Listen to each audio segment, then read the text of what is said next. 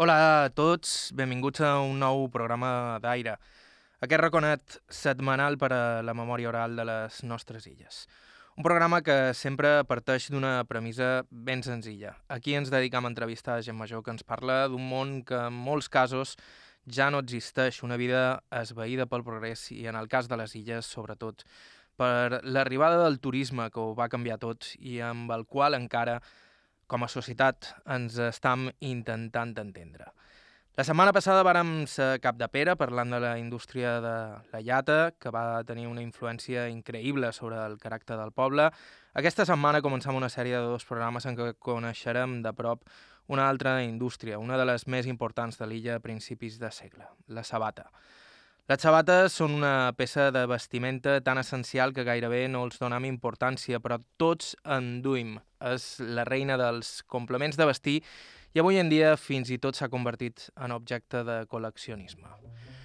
A més, si sou tan maldestres com jo, que som incapaç de dibuixar dos cercles iguals en un paper, vos sentireu igualment impressionats davant un parell de sabates artesanes, tan simètriques i tan perfectament iguals.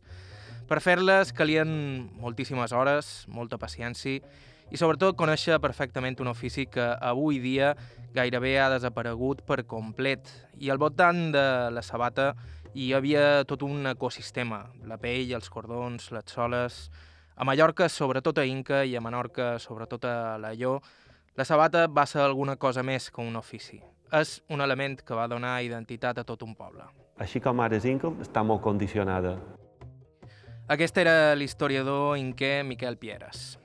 Està molt condicionada, l'espai urbà està condicionat, encara vas per que se pot veure qualque antiga fàbrica que està convertida en un no sé què. És un error pensar que un dia estaven darrere Serada i el demà estaven servint copes a, a Magaluf.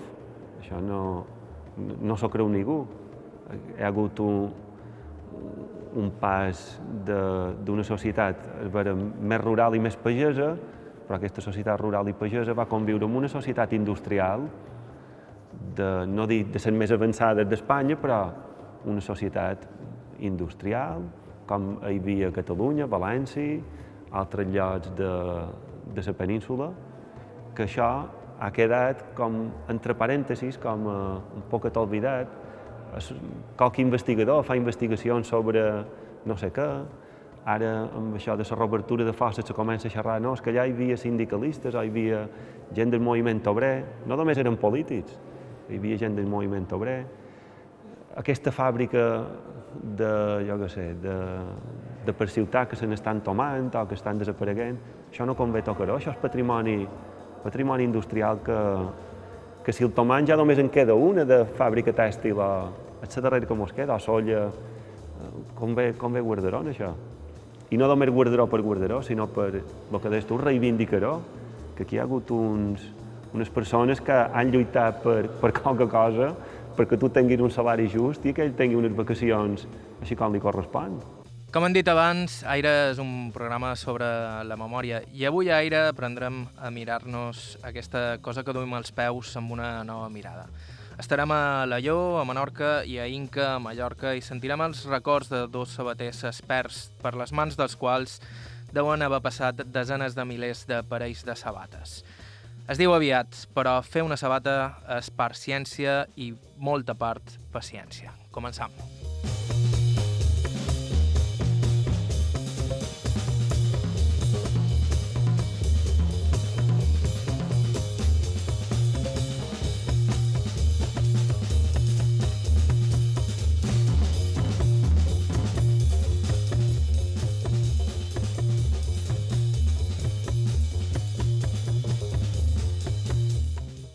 I arrencam a Alaió. Això va ser a Menorca, les darreries de l'any passat. Vos presenta Manolo Taltabull, sabater i fi de sabaters. El nom complet és Manuel Taltabull Mollà. La data de naixement, dia 8 d'octubre del 31. O sigui, exactament fa 86 anys que vaig néixer. Uns quants. I, I els vostres pares a què se dedicaven? Eh, mon pare eh, a Sabater. Però quan hi havia manca de feina, com en aquell temps i hi va haver bastantes temporades de, man, de manca de feina, i d'on anava a ajudar en l'avi meu eh, pescador. Era pescador. O sigui, l'avi era pescador, però mon pare era sabater. I on era pescador, l'avi? Eh, a la Macaret. Sató, aquí, precisament, una de les coses que do encara guardam a record és que nosaltres de mal nom i do mos diuen de Capulles. I, I a la Macaret hi ha una torre que guarda el nom de la torre d'Embulles. Que la família d'en Manolo acabés treballant la sabata a la Lleó no era res excepcional, venint d'una família de, de pescadors. De fet, hi havia moltíssimes famílies en el poble que en vivien directament. Es tardava molt a Faldó i per tant donava molta feina perquè ara Camp Quintara mateix, que és el que conec, i de, com veig que de, en un dia surten no sé, tant és dit, eh, 400 com 500 parelles o 1.000, hasta inclús, diaris, han de tenir en compte que calor amb els sabaters que hi havia, i de total feien un parell diari. I això volia dir cinc parells a la setmana o sis. Si do feien feina aquí nosaltres, normalment fem feines dissabtes i tot. I qualque temporada que d'on mos apretaven i d'on anaven fins el diumenge de matí tot, fent feina. Hi havia moltes famílies que vivien de, de sabata? Sí, a l'O? quasi tothom. Quasi tothom, o sigui, eh, a l'O en aquell temps hi havia eh, la fontissa, ses, en el principi, antigament, també hi havia bosses de plata i el sabater eren les indústries que hi havia en aquell temps a l'O. A la sabata hi començaves també de, de ben jove. De fet, eh, tot d'una que podies, als 14 o 15 anys. Nosaltres, quan do, eh, a partir de, de 14, 14 15 anys, i do, ja entraven dins d'això, de, de fer, d'anar a mosso, eh, a fer sabates. Eh? És qui 17, 18 anys sabia fer un parell començat i acabat, i doncs ja era, Ja era sabater. ja era sabater, però li costava. No s'aprenia allò de dir, eh, avui en dia, jo ho veig quan hi do vaig a les fàbriques, i doncs jo veig que do li mostren una cosa, només li mostren una cosa de la construcció de la sabata. Eh? I allò en una setmana o en 15 dies s'aprèn. Antigament no, no era així. No? O sigui, per, per aprendre de fer una sabata i de vies de menester al seu temps, els pares pagaven en el sabater perquè l'ensenyés. O sigui, el primer any, el primer any d'aprenentatge, i de... Era el sabaters que cobrava per tenir Era el nin per tenir el nin, perquè clar, com que havia de perdre temps, eh? Amb eh, en Salot aquell, pues, havien de, de compensar de qualque manera. En el vostre cas... Eh, En el no nostre cas, com que no, no, no vaig pagar, eh, que era mon pare. Eh, vareu anar a escola, però, abans Sí, de sí, fer-vos sí, sí, sabater? sí, o sigui, fins a 14 anys i de, anava a escola eh? i, i després de, de, de 14 anys i de, vaig començar a anar, a pesar que després eh, 14 anys a escola, però quan hi do eh, havia acabat les escoles de matí o de capvespre, després anava a fer, a ajudar mon pare o, o fer envions o, I és que eh, a la Lleó hi havia feina per a tothom i per més gent encara. Gairebé tota la feina que es feia en aquell temps era manual i molta gent la feia directament a casa seva. les fàbriques es reduïen a una cosa molt petita, Era molt petita. eren molt petites, eh? i tot el material, o sigui, tota la construcció, i de, era eh, cases particulars. O sigui, eh, jo mateix, i de que nostra, dins l'entrada, a plaça Espanya, i de, hi havia una entrada gran i allà tenien una banqueta arran de, del carrer, de la finestra del carrer, i allà hi havia una banqueta que feien feina, dos o tres sabaters. I estaven allà mateix i anaven a la fàbrica a cercar materials i molts enduen cap a Canossa, molts donaven les formes i tots els materials i després, al cap d'un dia o dos, i do, entregaven, segons el que m'ho havien donat, entregaven el parell la sabata acabada. O sigui, començada i acabada. O sigui, no mos donaven les fàbriques, no mos donaven res més que materials, tots els materials, eh? i nosaltres m'ho anaven cap a que nostra i, i feien la sabata. O sigui, començada i acabada. O sigui, no mos donaven les fàbriques, no mos donaven res més que materials, tots els materials? I nosaltres m'ho anaven cap a que nostra i, i feien la sabata. En aquesta cadena de muntatge hi havia una altra figura important, la juntadora. Eren sempre dones encarregades de cosir les peces de pell que després, en mans del sabater, esdevendrien una sabata. La juntadora només munta les peces de pell i això després és el que ens donaven juntat, això i tots els materials que haguessin de menester per fer la sabata. La sabata, normalment, si era un sabater bo, havia de menester un dia per fer un parell, si era un sabater bo, perquè normalment havien de menester un dia i mig per fer un parell de sabates. No un dia i mig de 8 hores, no? De 10, de 10 hores és mínim. Entre uns i altres es tractava sempre d'una feina realment meticulosa que exigia una paciència enorme i sobretot bona mà, especialment en alguns punts del procés. Que hi havia feines que idò ha de tenir en compte que idò ara, per exemple, el que nosaltres deim granejat, eh?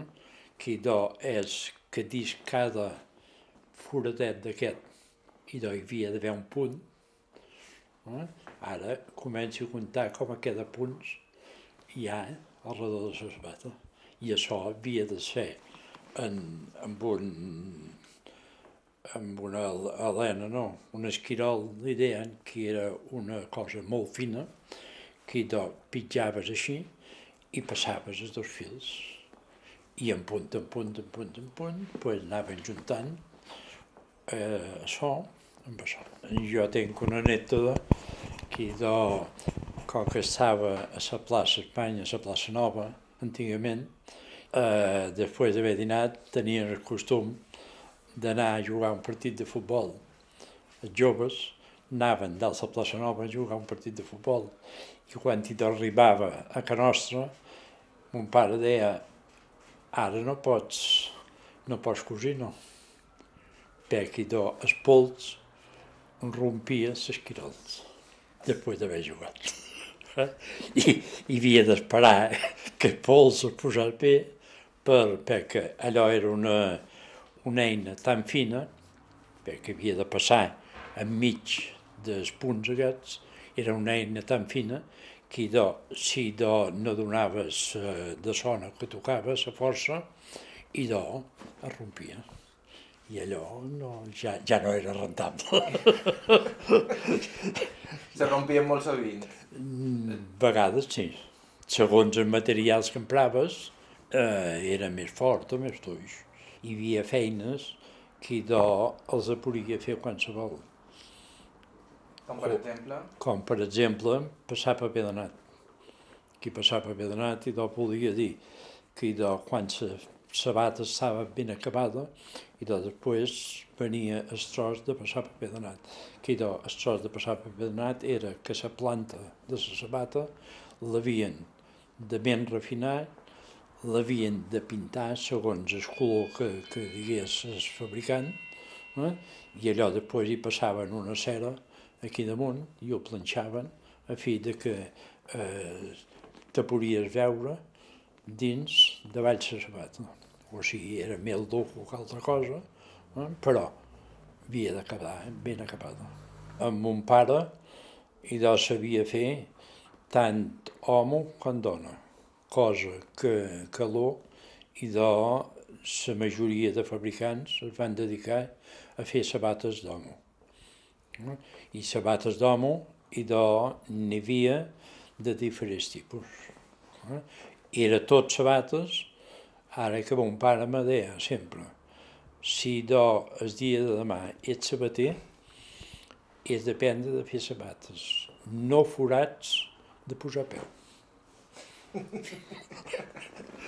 Això ho tenia, ho tenia molt clar, els sabaters d'aquell temps. Eh? Una cosa era fer una sabata ben feta i l'altra era fer un forat de posar peu. Hi havia unes sabates que es deien dins i fora. Que dins i fora consistia que tot això que veiem aquí tot això no existeix. Perquè no vos perdó amb aquestes explicacions de, de Manolo. Ell m'està assenyalant eh, en aquells instants els punts en què va cosir de la part de la pell eh, la sabata a la sola. Habitualment és un regluix que, que es veu clarament, si teniu unes botes o unes sabates, és ben fàcil de, de veure. Eh? O sigui que això queda a nivell de la pell manera de cosir-se, com que no tenim el suport d'aquí, i de s'havia de foradar d'aquí aquí dins. I, I això volia dir que de, si no tenien una mà que és aquí, a l'Ocanam, amb ma mare, que de, tenia la mà més petita de dona, i de, per cosir això era especial. Eh? I sabia cosir dins i fora. Era, era el tipus més econòmic perquè do, eh, o sigui, no era tan fort com l'altre tipus. Després venia eh, el que dèiem de so granatjat. Això es diu granatjar. Eh? Que do, això es feia en, en un tipus com això, diguem, eh?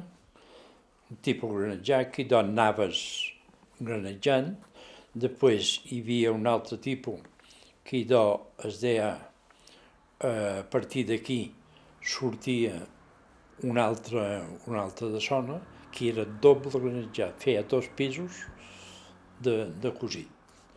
Després hi havia un altre tipus que d'o es deia esquí, que d'o era un tipus que se cosia a la pell una, una tira de sola, la doblegaven eh? i després allà damunt i doncs s'hi feia no. I, i el tipus aquest, i doncs pel que en aquell temps i doncs agradava molt, era per anar a esquiar. En 31 això devia ser l'any 50, 52, 55, de, era, era aquest tipus de so. Després es feia botes i es feia tot, tot tipus, diferents tipus de, de calçat, com aquest mateix, que és que do, aquí dalt és sola i davall i do s'hi posava un pis de goma. S'emprava goma, de goma de, de rodes d'avió que era la goma més forta que hi havia, i per tant un parell, un parell com allò i t'afartaves de tot l'or. A Manolo Taltabull, el nostre convidat d'avui en aquesta sintonia d'aire, va començar de ben jove en el món de la sabata. En el seu cas venia de família. Ell de jove ja era un expert i encara avui en dia recorda el primer parell que va entregar a la fàbrica. En els 16 anys, en els 16 anys, doncs ja, ja sabia fer el que nosaltres deien mig, mig parell. Eh? Que mig parell do, era que do, quan do tenien la sabata cosida, que després i do l'havien de refinar i tot això, i clavar-se-lo, do, allò ja, ja era mig parell. Després i do, eh, els mestres i do, clavaven el taló, peca el taló, i do, una cosa molt senzilla, quan idò entregaves el parell, que això eh, diferents vegades va passar, que idò quan el mestre se'l mirava, aquest taló està tort, ja el pots tornar, ja el pots tornar a muntar i t'havies d'endur altra vegada el parell que teva i, i el havies de muntar. O sigui, eren coses senzilles, eh? però eren coses senzilles que el mestre en aquell temps exigia. El mestre era el qui revisava... El mestre era el que supervisava la feina. Eh? Era un encarregat, qui do era el que quan hi do eh, cap de la setmana o els dilluns anaves allà i deia ben que cercat tant, li deien. I tant era que t'havien de donar escorta i tots els materials. Te donava un cartó i tu, el cap de la setmana, tant de cartons tens i anaves a la ventanina i te pagaven el que havia fet. Jo, el primer parell que vaig fer, començat i acabat, i de era un parell que li deien granejat rodat, perquè hi ha sabates aquí, aquí darrere, això no ho tenen. Eh? Per tant, granejat, rodat, en punt petit, perquè el punt aquest hi havia sis o set tipus de punt. Punt petit, punt de gran d'arròs, punt de rajola, punt de diferents tipus, eh? i almenys n'hi havia sis o set de tipus de, de, de cosit. Eh? Segons el tipus que era, tenia un preu o tenia l'altre. Quin era el més dificultós? El més dificultós de tot era el punt petit. I vos va tocar el primer? I, i va tocar el primer, o sigui, que idò vaig haver de fer i me van pagar per aquest parell que hi vaig haver de menester un dia i mig, me van pagar 37 en 50 cèntims. 37 pessetes en 50 cèntims. Això l'any, l'any 31, 51, l'any 49-50. Mon pare oh, va, me va acompanyar en el, en el mestre eh, entre caldies, primer, les primeres sabates, el primer parell fet meu. I a partir de llavors? I després, a partir de llavors, vaig anar, vaig anar fent feina. Eh? Alò, el que hi va haver en aquell temps, i va ser una, un, un sabater que va ser molt anomenat perquè li deien la maquineta, va agafar el mal nom de la maquineta, perquè sabia, va arribar a saber fer dos parells cada dia. Se va guanyar el nom de la maquineta, eren tals sobirats, eh, que hi ha, hi ha fills i filles vius, eh, i, i aquest senyor idò se va guanyar aquest nom perquè idò va saber fer, es va adelantar en, en els temps. Com ho feia? No, no hi anàveu a veure com... Sí, sí, sí, sí. Eren tonteries perquè després quan tu veies penses eren tonteries. Ara una cosa senzilla és que de nosaltres per cosir la sabata, el mestre ens donava un, un rodet de fil. El fil aquell, i de nosaltres el havien d'atar, posaven aquí damunt i el fil s'atava, s'esflorava. Eh? I, I amb això, però, per fer, per cosir, i dos segons el tipus de cosir que haguessin de fer, hi posaven dues branques, tres branques, cinc branques, li deien branques a cada, a cada tirada de fil. Allò després ho juntaven, ho passaven en cerol, eh? i, i allò, i do, si do havien de menester cinc branques, per exemple, nosaltres normalment, i do que feien, agafaven el rodet, una branca, pam, tant, dues branques, i cada vegada tant. Ell, i do, què feia? pues tenia cinc rodets. I quan hi datava, estava cinc, les cinc branques. Per tant, ja ahorrava una sèrie de temps i amb això tot el de més. O sigui, per exemple, per fer els punts tots iguals i de tenien un marcador que li deien que era una cosa en dues punxes i anaves marcant els punts. Ell que es va enginyar, ell es va enginyar que de va fer una roda i agafava la roda que era fent pam, pam, pam, pam, quedava marcat eh, en, en res, en res de temps. O sigui, eren tonteries, però van ser tonteries que li va donar el resultat de, de tot això, de fer el doble de feina que els altres.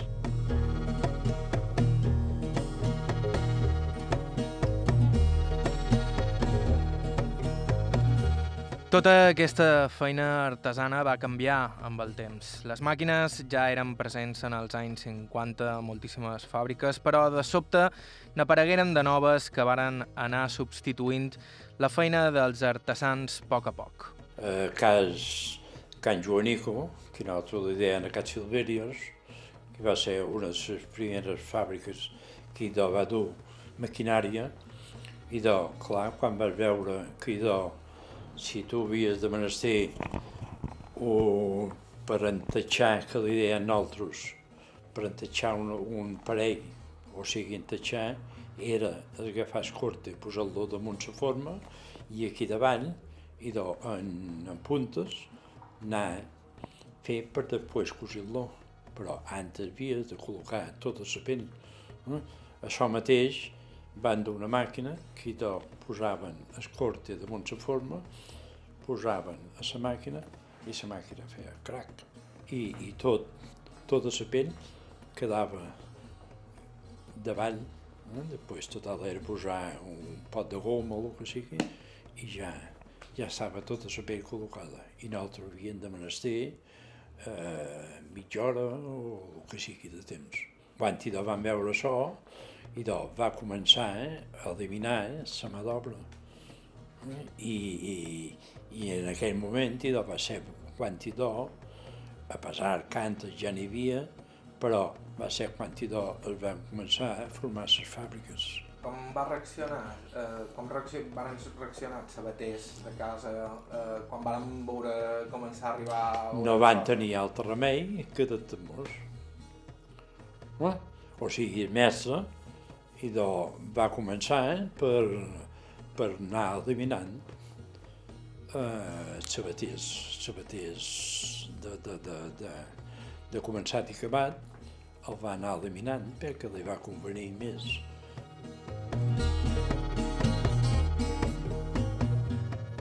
A partir d'aquell moment, molts sabaters de, com diu amb Manolo Taltabull, començat i acabat, varen haver d'adaptar-se a la nova forma de fer sabates. Molts varen convertir-se, de fet, en personal de les fàbriques, ara només en funcions concretes, fent feines més simples i repetitives.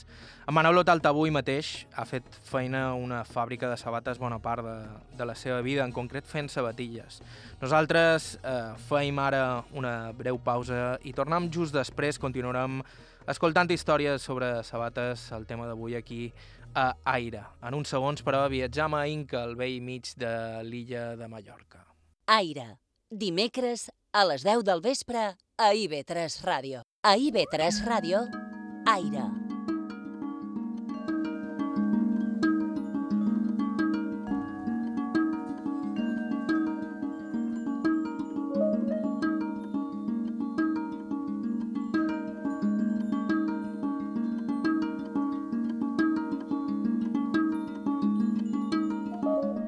De nou, esteu escoltant Aire a IB3 Ràdio, un programa que vos recordam també podeu escoltar còmodament amb els vostres mòbils a través d'Apple Podcast o altres serveis per l'estil. Acabam de deixar a l'EO, a Menorca, on hem escoltat els records de Manolo Taltabull, criat en l'artesania de la sabata. Viatjam ara a Inca, al cor de Mallorca. Si parlam de, de Sabata, en aquesta illa és impossible no citar la capital del reguer, on encara hi poden trobar algunes fàbriques imponents que ens recorden el seu passat i on encara hi subsisteixen algunes de les marques més importants de les illes. Tornem a escoltar l'historiador Miquel Pieres, que ens explica com és que allà va prosperar una indústria sabatera tan important. Jo crec que varen ser diferents diferents circumstàncies que se varen unir i varen donar, varen donar terme que, que pogués créixer tant. I no només va ser Inca, va ser tota la comarca i altres llocs de, de Mallorca, Major també, i a Menorca. No, no és que sigui un fet aïllat a Inca. Jo crec que la mà d'obra era barata i per fer sabata necessites molta mà d'obra. Després a Inca, a final del segle XIX, arriba el tren i això connecta Inca i la comarca amb, amb suport de palma i facilita les exportacions. Llavors també hi havia una tradició de verí sabaters a Inca des de l'edat mitjana, hi ha un gremi de, de sabaters, i segurament eh, eren aquests factors, els de mà d'obra barata, ben comunicats, eh, una tradició, crec que anava per aquí la cosa. Com hem explicat abans, la indústria de la sabata donava feina a moltíssima gent, no només als sabaters, també hi havia els modelistes, per exemple, com el nostre següent protagonista, Toni Morell. Ell era l'encarregat de dissenyar la sabata, que en el seu cas després venia a diferents fabricants fins que anys després va decidir ell mateix obrir una fàbrica. El vàrem entrevistar fa només unes setmanes a Inca mateix, precisament al Museu del Calçat i la Pell. Bueno, jo nom Toni Morell Gual. Vaig néixer a Campanet, el meu pare no m'hi Ramon, la meva mare Magdalena, i vaig néixer dia 9 del 12 de 1940. O sigui que ja tenc anys. El meu pare en aquelles hores va ser... Eh, aquí som Vivat, hi va haver una central elèctrica. No sé si la sentia anomenar mai. No. Que aquesta gent tenen un casal, o tenien un casal en el Call, Call de Sabella, a Palma, i tenien una finca aquí a Som Vivat, i hi vàrem muntar una central elèctrica. I mon pare va ser encarregat 20 anys d'aquesta central allà. I la seva professió va ser, va ser aquesta. I a casa seva també tenien terreno i també a lo millor ajudava a qualque moment a lo que era els cultius. I això va ser la seva vida, mon pare. No.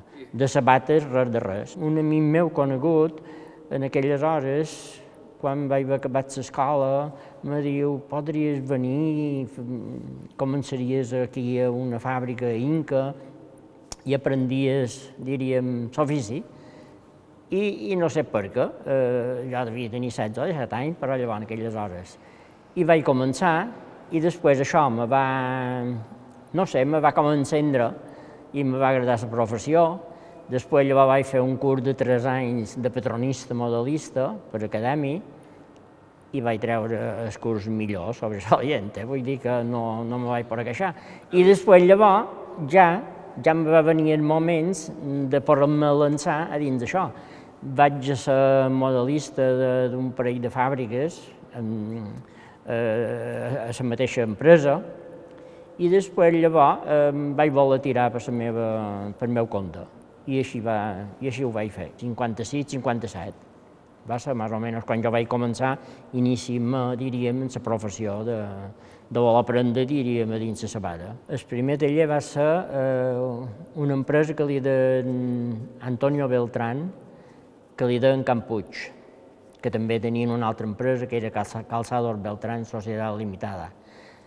I, i vaig fer feina a les dues empreses. Vull dir que vaig conèixer bé, diríem, el, el eh, terreno, diríem, de lo que era l'empresa llavors aquelles hores, perquè aquesta gent varen tenir eh, dues fàbriques i tenien en les dues unes 200 persones. Eh?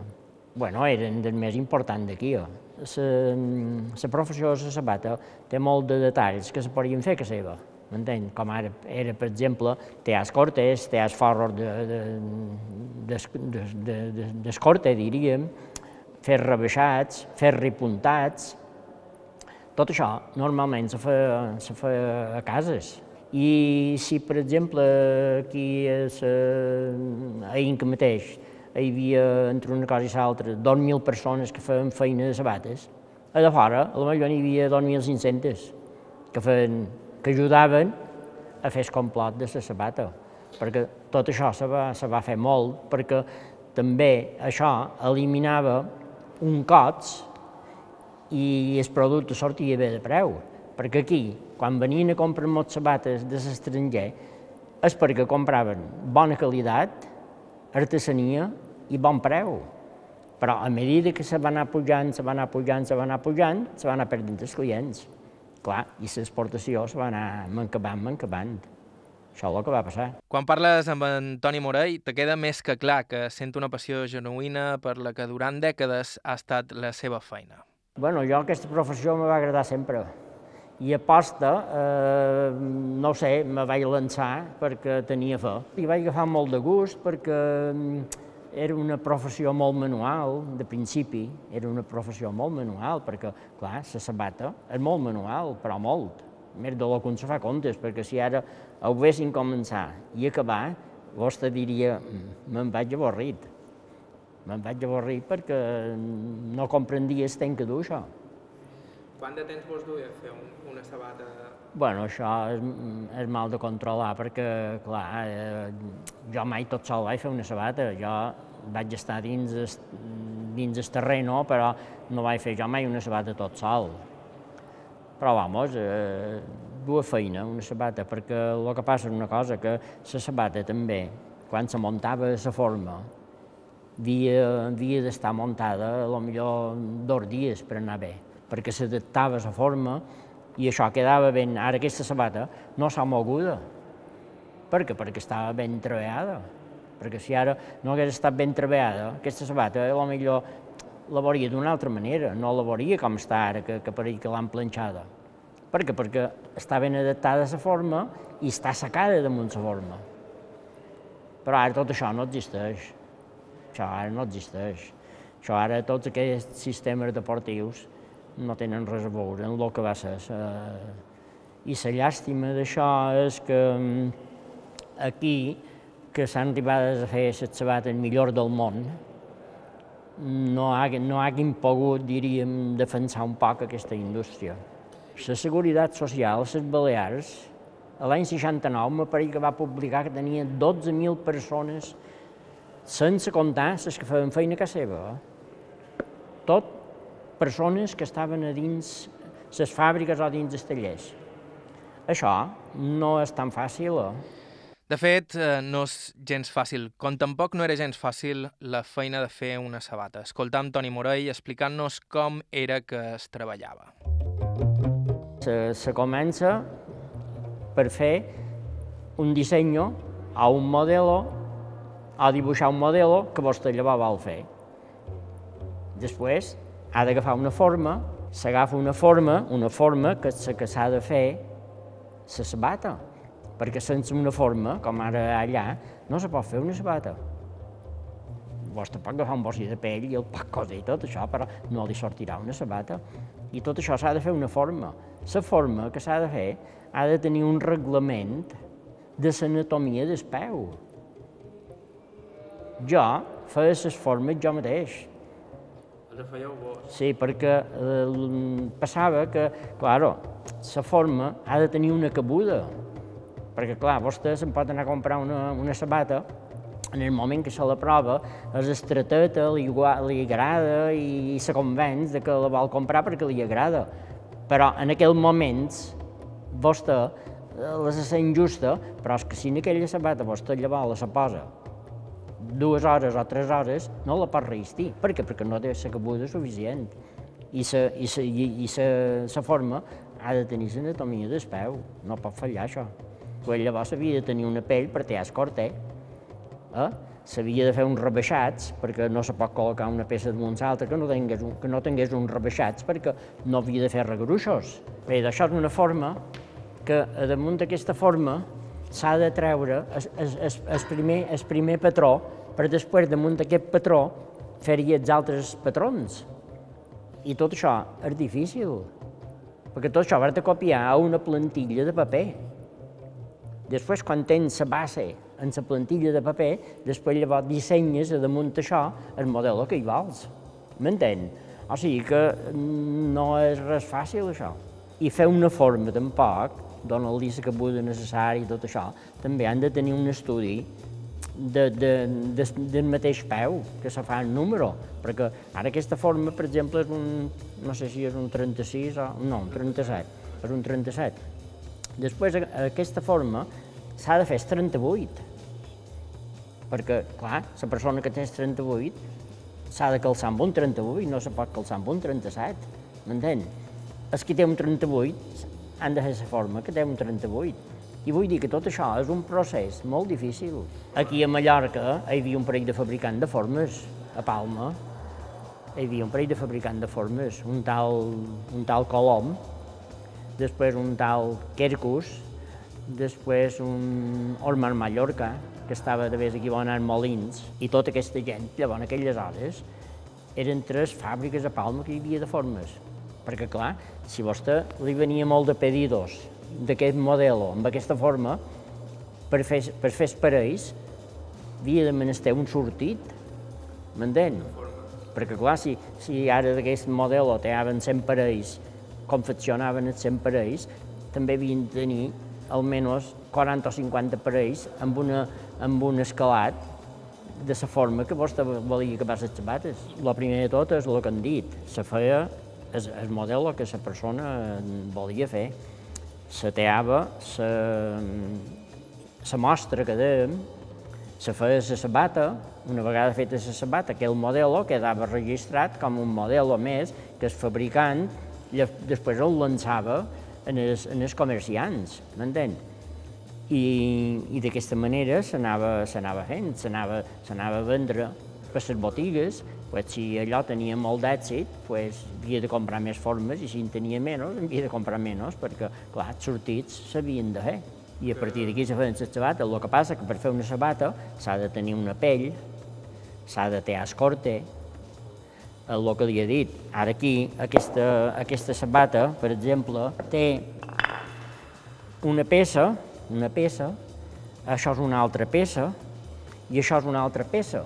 Clar, quan vostè té la pell, en sotall de la pell, aquesta peça que va amagada aquí, dins aquí de dins, té un canto que s'ha de, de rebaixar, perquè si no això li faria un regruix. Ara vostè veu, aquesta sabata no té, no té gent de regruix aquí de dins. Tot això s'havia de fer, hombre, tot això sempre hi va haver màquines, jo sempre he vist màquines per això, però en temps primitiu, una persona que era un sabater que feia una sabata vostra per encàrrec, que jo he vist un senyor campanet, tot això ho feia a mà. Perquè quan vostè col·locava aquesta peça damunt d'aquesta, llavors se feia ripuntat aquest.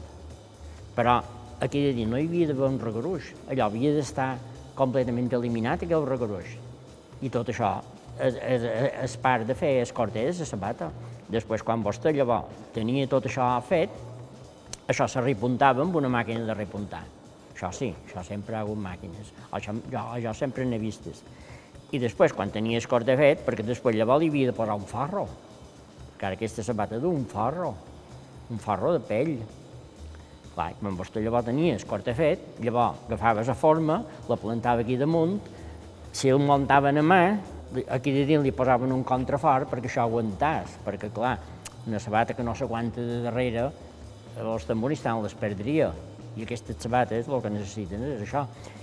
I llavors, si, si feien muntat a mà, amb unes estanades, unes, unes xinxilles o un similar que deien, se clavava la forma, una vegada que està muntat això, s'encolava el sobrant, se, se, se muntava, se, se plantava, diríem, el bossi de pell que havia quedat aquí per aguantar en la plantilla, i després llavors anava col·locant la sola. Que dèiem, els temps primitius, tot se feia mà. Els temps primitius, quan jo palta, que era un loc, jo vaig veure un sabater en el meu poble. Tot això ho feien a mà. Però érem gent amb, amb, amb uns anys de professió que, que ja allò ja... In, inclús qualcun feia el modelo eh, ell mateix. O sigui que no, no, no, no era fet per un professional, dirien, de, de modelatge ni patronatge. Com hem explicat abans, Toni Morell va començar de modelista, però finalment va decidir donar la passa i posar la seva pròpia fàbrica. En tot cas, sovint les comandes grans es repartien entre diferents fabricants per poder donar resposta a l'altíssima demanda del moment. És que jo vaig començar, quan jo vaig haver après, diríem, l'ofici i vaig tenir el títol de tot això, va ser quan jo vaig muntar aquest, aquesta, aquesta, aquesta empresa de patronatge i modelatge. I després hi havia un senyor, perquè llavors havien de menester una patent per fer sabates. Eh? Vostè no, podia, no se podia posar a fer sabates si no tenia una patent. Això estava, estava fet d'aquesta manera, estava, si no tenia una patent registrada, no podia, no podia fer sabates. Hi havia un senyor aquí, i aquest senyor, com que mm, era un senyor que sabia viure quasi sense fer feina, i tenia aquesta patent. El seu nom era una patent per poder fer sabates, però no em feia, ho tenia com, completament aturat. I, I un dia me veu i me diu, podries fer una dotzena de modelos? Eh, i, i, i l'enseríem un poc això, i, i tenia un local i, i, tenia pràcticament la fàbrica muntada, però vamos, era un local molt petit i tot això. I jo vaig dir, vinga, i vaig fer una dotzena de modelos en aquelles hores, quan la dona se va iniciar en els pantalons, que va ser quasi, quasi la primera campanya que les dones se van lançar a posar-se en pantalons. I jo vaig fer una sèrie de modelos, tipo, tipo, bueno, ara no en duc cap, però tipo mocassinet, que, que eren els mateixos modelos que se feien amb homo. I res, varen fer aquestes, aquestes mostres, ho varen donar a un representant, al cap de dos dies ja mos du 5.000 parell de pedidor.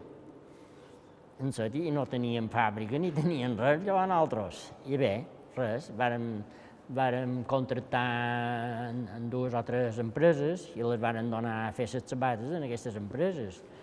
I, i enviaven les sabates a 8 de matí i sobre baix ja ens passaven una repetició de, de, de, de l'èxit que havia tingut això.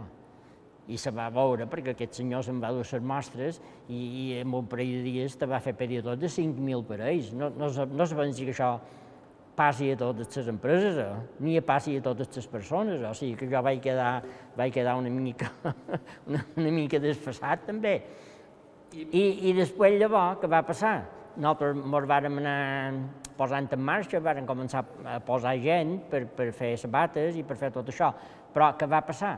Que quan vàrem veure aquest exitasso que va tenir aquest, aquest, aquest, aquest modelos, tots els que li havien donat feina varen copiar els nostres modelos se varen posar sortint al mercat a fer molta competència. Copiar, copiar, l'únic model que varen copiar, que ho varen arribar a fer els primers de, de les Balears, va ser el tipus Sebago, que no sé si el coneix. És una sabata que ara me sap greu no n'he dit una, que la varen fer brodada. Això, i després teníem un senyor a Madrid que mos comprava 3.000 parells per temporada de sabates d'aquestes. Això a Inca ni ho feia.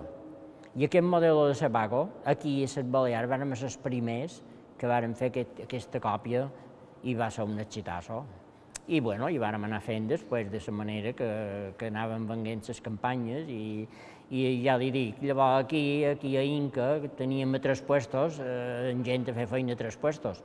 I llavors ens varen decidir i varen fer la fàbrica allà a Campanet. Ara fer 5.000 parells de sabates d'això són, mal, són molt males de fer, oh. perquè ara això, veu aquest, aquest trapats, això és fet quasi, quasi a mà. Eh? Fer un corte d'aquests, ha vist lo difícil que és fer aquests ripuntets per aquí i llavors fer aquest altre per aquí.